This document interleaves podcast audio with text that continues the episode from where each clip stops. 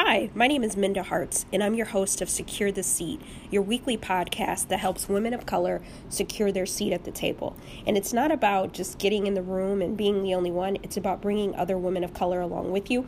And if you're listening to this podcast and you're a man or you're not a person of color, this content is still for you because how will you know how to help us if you're not a part of our conversations, if you're not listening to what it is our pain points are? And so, Many of you reach out, and I'm very thankful for every listener, every download, every review. And if you haven't done so, please make sure that you go and leave a five star review wherever you like to leave your ratings and reviews. If you're a new listener, welcome. You're in for a treat. If you've been rocking with me from day one or even since last week, happy that you're back because I know that you could be listening to any podcast in the world and you're listening to Secure the Seat because it's all hands on deck.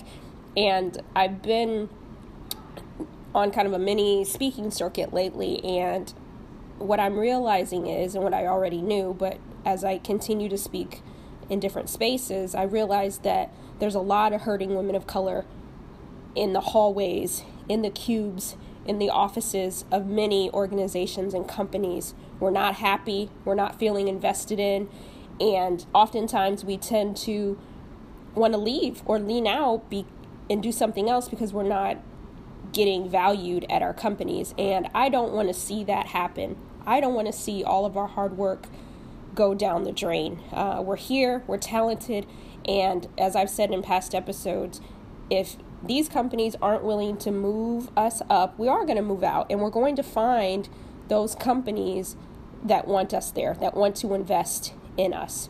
And just because you may be the only one right now doesn't mean you can't have equity. You can still have stake in the game, and, and the other people around the table need to understand that as well. And so, securing our seat is equity for all. Um, it just doesn't make any sense that we're not seeing women of color in some of the highest levels of leadership within companies. It's been a few years since Ursula Burns left Xerox, and we have not had anybody step up to the plate and hire a woman of color, a black woman, uh, to run a Fortune 500 company. And so I believe that we have to keep putting our foot on their necks. I, I, can't even, you know, Malcolm X said, um, I'm paraphrasing, but no more compromising sweet talk. Like, I think we've done that enough, right? We've been the good, quote unquote, black girl uh, sitting in our cube or sitting in our offices and not making waves. And I'm not saying to make a wave, but I'm saying, how will people know if we never talk about it? And I need you to talk about it too. And if you've ever met me, then you know that I'm all about all hands on deck. Like, I can't do this by myself. And so I'm so happy that we're on this journey together because if I'm being honest, in my career, I wish I would have known you were out there. I wish I would have known there was a support system of people out there rooting for me or going through similar things because we deal with many of these issues in isolation, and that's not okay. And so, um, as far as I can see, and as long as God grants me breath in my lungs, I'm going to keep advocating on our behalf. And so, this week, I'm really excited to uh, share this episode with you. But before we get that episode in, I want to just send a congratulations. I do not know these women, but we have made history. Miss USA, Miss America, and Miss Teen USA are all black women. It has never happened this way. Um, and it just does my heart good. And I don't know how long uh, these pageants have been around for, but to be the first for this to happen, it blows my mind. Now, let's just think about that in the context of in corporate America or nonprofit setting, what would it look like for black and brown women to be winning like that? Whew. I, I hope I live to see the day when something like that goes down. and that's why we have to keep securing our seat. But on today's episode, I have the pleasure of uh, connecting with um, someone I admire. Her name is Candia Johnson. If you don't know her, you're going to want to follow her. And in our interview, um, I call this Through the Fire because sometimes we are currently in a fire right now and we need we need some help right and how do we make it through an environment where we want to scream walking through the door um, but know that there's help on the other side. So let's get into today's episode. Candia is an entrepreneur, she's a writer, contributor um, for Black Enterprise and many other publications. And so um, you're going to definitely want to get your phone out, notes, however you like to get down with Secure the Seat, and listen to it again and again. She drops a lot of great gems. Let's go. Um, welcome to Secure the Seat. How are you? I am well. Thank you for having me. I'm so excited. You know, uh, I think it's we mutually stand online together. So uh, I'm so excited to have you on the podcast. Tell our listeners a little bit more about you. Sure. My name is Candia Johnson. Um, I play in the communications and PR and leadership space. I teach people, mainly entrepreneurs and executives, how to become well recognized in their field and connect more authentically with their audience. So typically, my clients are looking for advanced leadership positions, they're looking for media attention, they're looking for speaking engagements. And so I help them position themselves for those sorts of opportunities secure the seat all through there. So we'll make sure that you um, let folks know where they can find you on these internet streets. but uh, without further ado, Candia, let's get into it. Um, let's talk about the storms that tend to come, especially for women of color. We may be in that boat like Jonah very often, right? so rock, rocking, rocking through the waves. And was there ever a time in your career when you had to show up and be exceptional, even when you felt like things just were less than stellar? Tell us about that experience. Oh gosh, there have been so many. Um, but I would say I think back to when I was working uh, in consultant in, in consulting as a communications and learning consultant. I was on a project. I was the only woman of color, and it was the manager was just brutal for for me to women in general. We he didn't like women to wear like colors. So the standard color was like blue black that sort of thing. And as you can tell by my lipstick like i like popping colors. So this was hard for me. I mean i even um had to sit down because I didn't wear pantyhose one day. Like my dress was fine, but I didn't have stockings on, and that just wasn't his thing for women. On top of the fact that uh, we were launching a new system and i voiced my concerns that we weren't addressing the correct stakeholders uh, the team lead decided otherwise and so when everything went haywire i was to blame and so um, i felt i already felt like i didn't fit in anyway right? Mm-hmm. but it was a blow to just my confidence. It was a blow to showing up every day and and really just even speaking up again about you know or sharing my ideas around what should happen and and what i think the real problem was.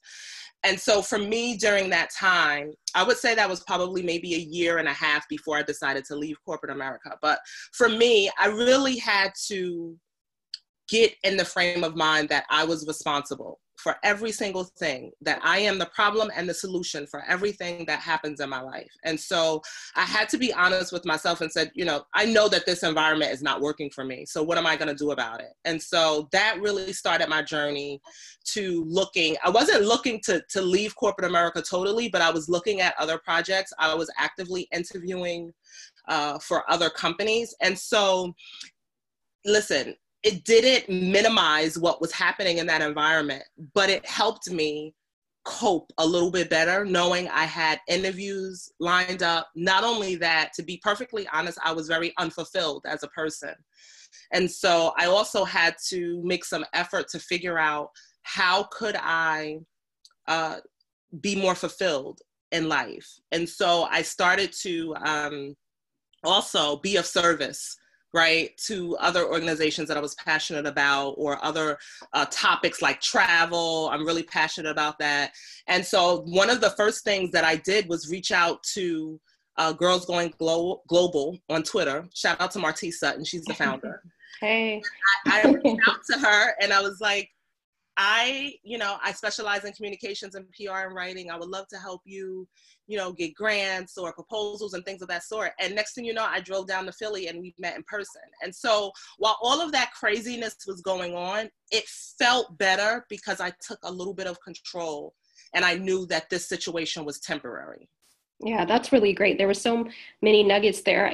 Hearing your story made me think about this boss that I once had, and she hated any woman to wear open toe shoes. Like, if you wore open toe shoes, it was like, you might as well just go on home and and call it one for the day. Like she hated that. It's just uh, amazing to me how people just get stuck on some of these, uh, fixated on these crazy things. But you know, it sounded like you were trying to survive. At times, you found other ways to thrive. But what are some tips that you could give us? I know you told us a little bit, but what are a couple of more tips or tools to help women who are in a similar situation? They're feeling like God, one more day I got to wake up and go to this job. I don't know if I could do it. How do you keep thriving in an environment where you're barely surviving? Is it possible? Right. I you can't thrive in an in, in a, an environment where uh, it's toxicity, you know, going on where you're not valued as a person. You can't, right? The only thing that you can do is first you have to honor your energy. Mm-hmm. And for me, as women, sometimes like relationships, we stay too long and i'm not saying to abruptly just get up and quit your job i'm saying to put things into place right so for a lot of us sometimes we sit around complaining too long or we sit around praying for things to change. And you have to be that change. You have to actively put yourself out there. You have to actively find spaces where there are women who are doing you know what you want to do or at least they're creating their own opportunities for themselves.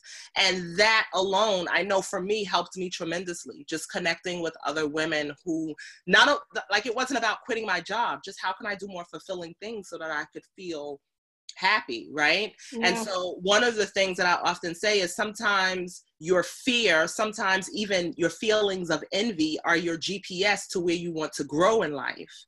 And so, one of the things that I would highly recommend is not only that you reach out, you reach out and you start to connect with with women who are doing what you want to do and start to have those conversations, but that you really be of service to use the best skill that you have right now to be of service to either an organization or a person because for me that helped me tremendously kind of just mentally deal with it. Again it didn't change the situation but it helped me go harder for the level up of what i really wanted to uh, get out of my life. Uh, so much in there. I love the the GPS, and then again, be of service. But in order to do that, it's yes, you can't just, some of us just can't quit our jobs today, right? That's just not the reality that we sit in, but there's still work we can do. Right. Right. Yeah. For me, you know, that work, I don't I don't think Martise understands what she did for me at that time. You know, driving down to Philly, us having meetings, um, you know, we formed an advisory board. That fulfilled me tremendously right? And so uh, i can't say enough about being of service. Even sometimes being of service is just sharing your thoughts and sharing your experiences on a blog right? And then reaching those people and realizing that you're not alone in your mm-hmm. thoughts and you're not alone in what you're going through. You can build community and build a network that way as well. Right and you hit on how do we survive in a toxic work environment? We can't. It's just you're withering away. And I know that sometimes we talk about what are the things that we can do, but let's put the onus on these companies. What can they do to dismantle this toxicity that they keep perpetuating, you know, day after day, year after year? So uh, uh, there are several things that companies can do. Right now, I, I always laugh at the fact that, you know, there are a bunch of companies that are using the word innovative, right? Innovative, diversity, inclusion, that sort of thing. But to be innovative for me is to be curious, right? And you can't sit in a room with people who look like you and think like you and think you're being innovative.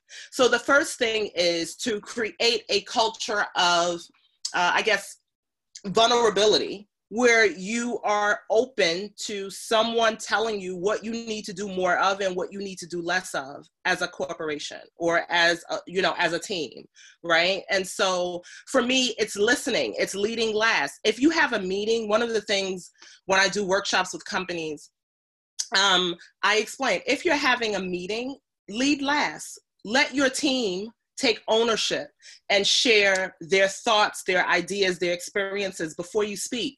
Because oftentimes what happens is a executive or a manager will lead the meeting and they'll say something and it shifts the energy from the employees and they won't speak up they will not feel comfortable. So let your com- let your employees let your managers take the lead.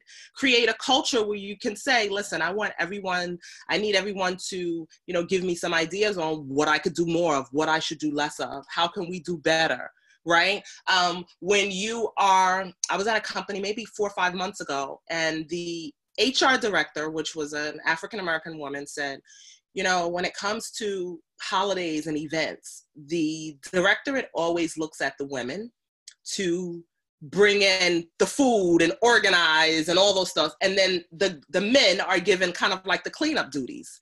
Like i know that that sounds simple but that is a that's one of the ways that you can look at how you are not being totally inclusive and how that is a toxic work environment right? To make all women bring, you know, figure out the food arrangements and the party arrangements and things of that sort. So I would say, you know, create a culture of vulnerability where you're open to hear these things and you're open to also change your behavior and your patterns.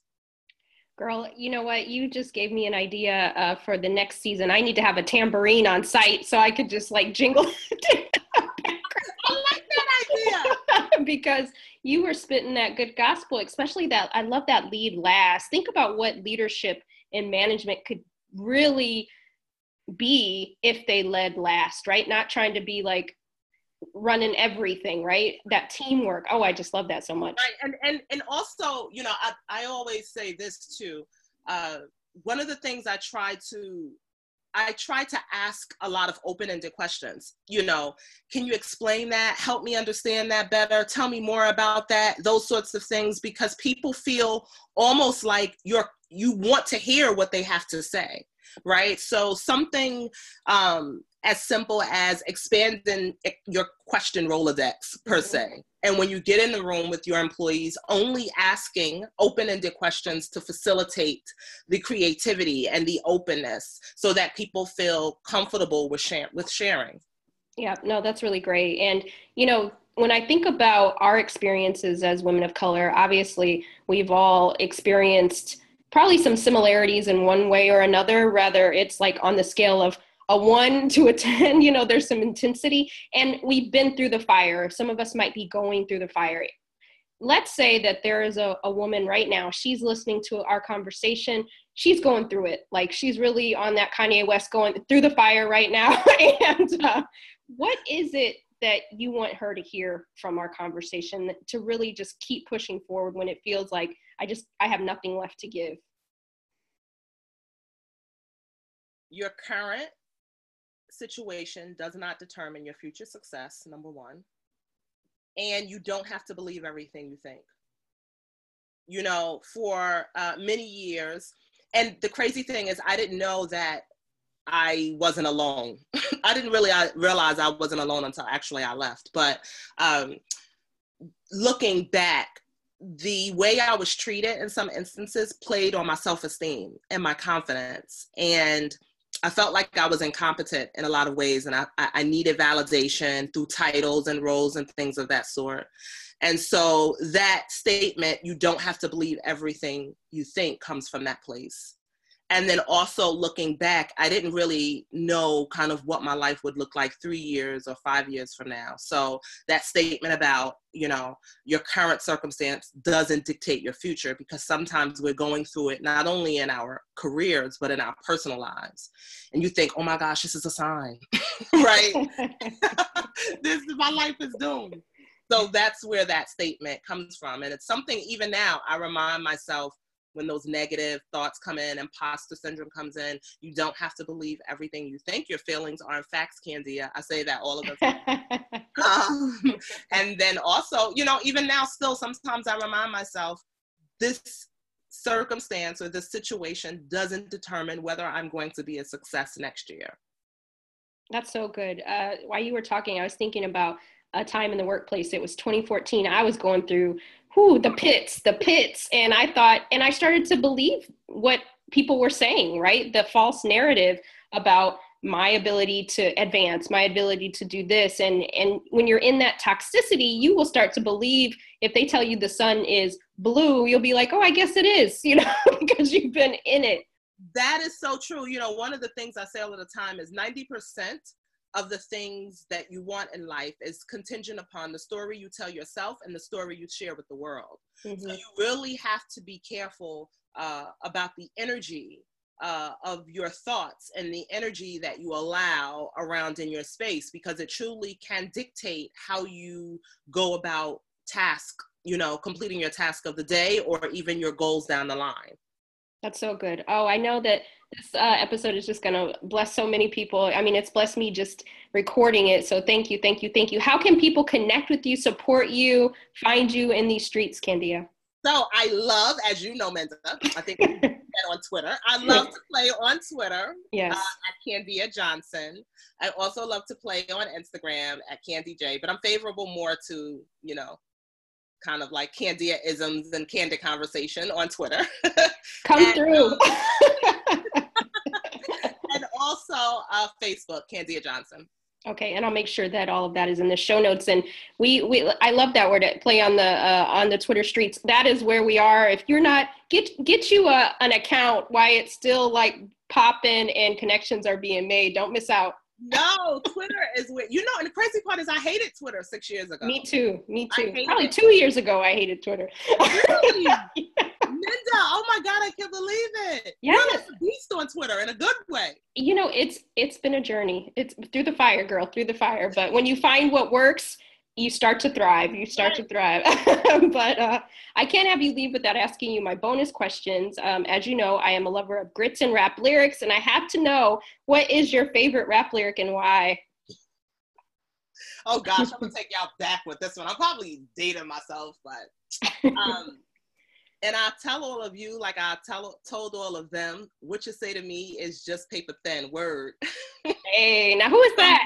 MC Lyte. Oh, yeah, you did take me back. It, it goes through my head as just chit chatter. Okay, that's too much. But you know what? I think that that lyric, although it was based on being in love, mm-hmm. it's prevalent to every area of your life. When you walk into a workplace and people are approaching you with negativity, you have to just it's just chit chatter, right? It should just mm-hmm. be paper paper thin to you. Protect your magic, protect your energy. So I love that that lyric to this oh, day. That's so good. I'm I'm glad you you were the first to to spit that one, and I'm so happy you did. So um, go go Google that, go YouTube it, put it in your rotation. And the podcast is called Secure the Seat.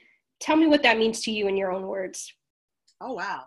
Um, secure the seat means number one, definitely to use your voice and to be able to contribute to the decision making process. Uh, I believe, and you know, when you secure the seat, you're able to direct, guide your own life. In addition to the workplace, but I believe securing the seat is really about becoming the master of your decisions and owning your decisions and owning your feelings and also owning um, your imperfections. That's securing the seat for me. And so it's funny earlier when you talked about the supervisor who didn't like open toed shoes and you know, I'm talking about this, the, the manager who didn't like popping colors. And so now it just feels really, I feel like I can secure the seat because I'm a natural hair girl. I wear popping colors, right? In addition to making the decisions, I've owned the ability, um, I've owned my space in the world now where I used to hide it before. So for me, that's securing a seat dripping all that magic. I love it. Uh, Candia, you know, we could talk all day, but it's been such a pleasure. Thanks for being on Secure the Seat. Thank you for having me. I know you enjoyed that episode with Candia Johnson. Make sure you find her on those internet streets at Candia Johnson. She likes to play on Twitter, as she told you. So many gems, so many gems. And if you enjoyed this episode, definitely make sure you go to Apple Podcast or wherever you like to leave a rating or a review and do that for me many of you reach out and tell me how the podcast helps you. And if it does, you get some insight. I would love for you to share that online. Help me secure my seat with the uh, internet gods. I appreciate that.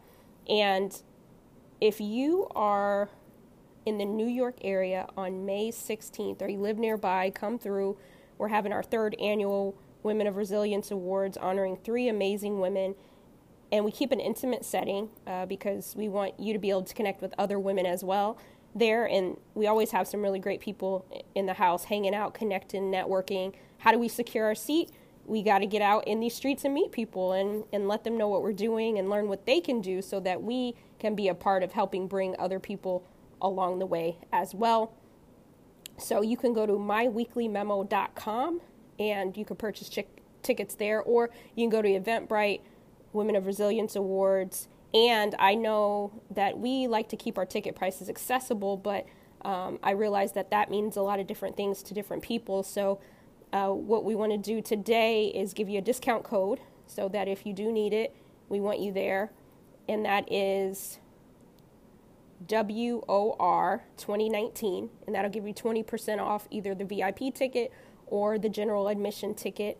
And um, I just want to shout out to two women, Tanya and Christy. Both of those women have bought tickets, two tickets apiece, two VIP tickets, and they do not live in New York City. Uh, they both coincidentally happen I, to live in Texas, but they wanted to help another woman of color in the area secure their seat. And so we've given those tickets out um, to those who have expressed an interest um, who may not be able to um, get there on their own. And so it's always great when we can bless someone. And so that's an option as well for you. But most importantly, I would love to meet you.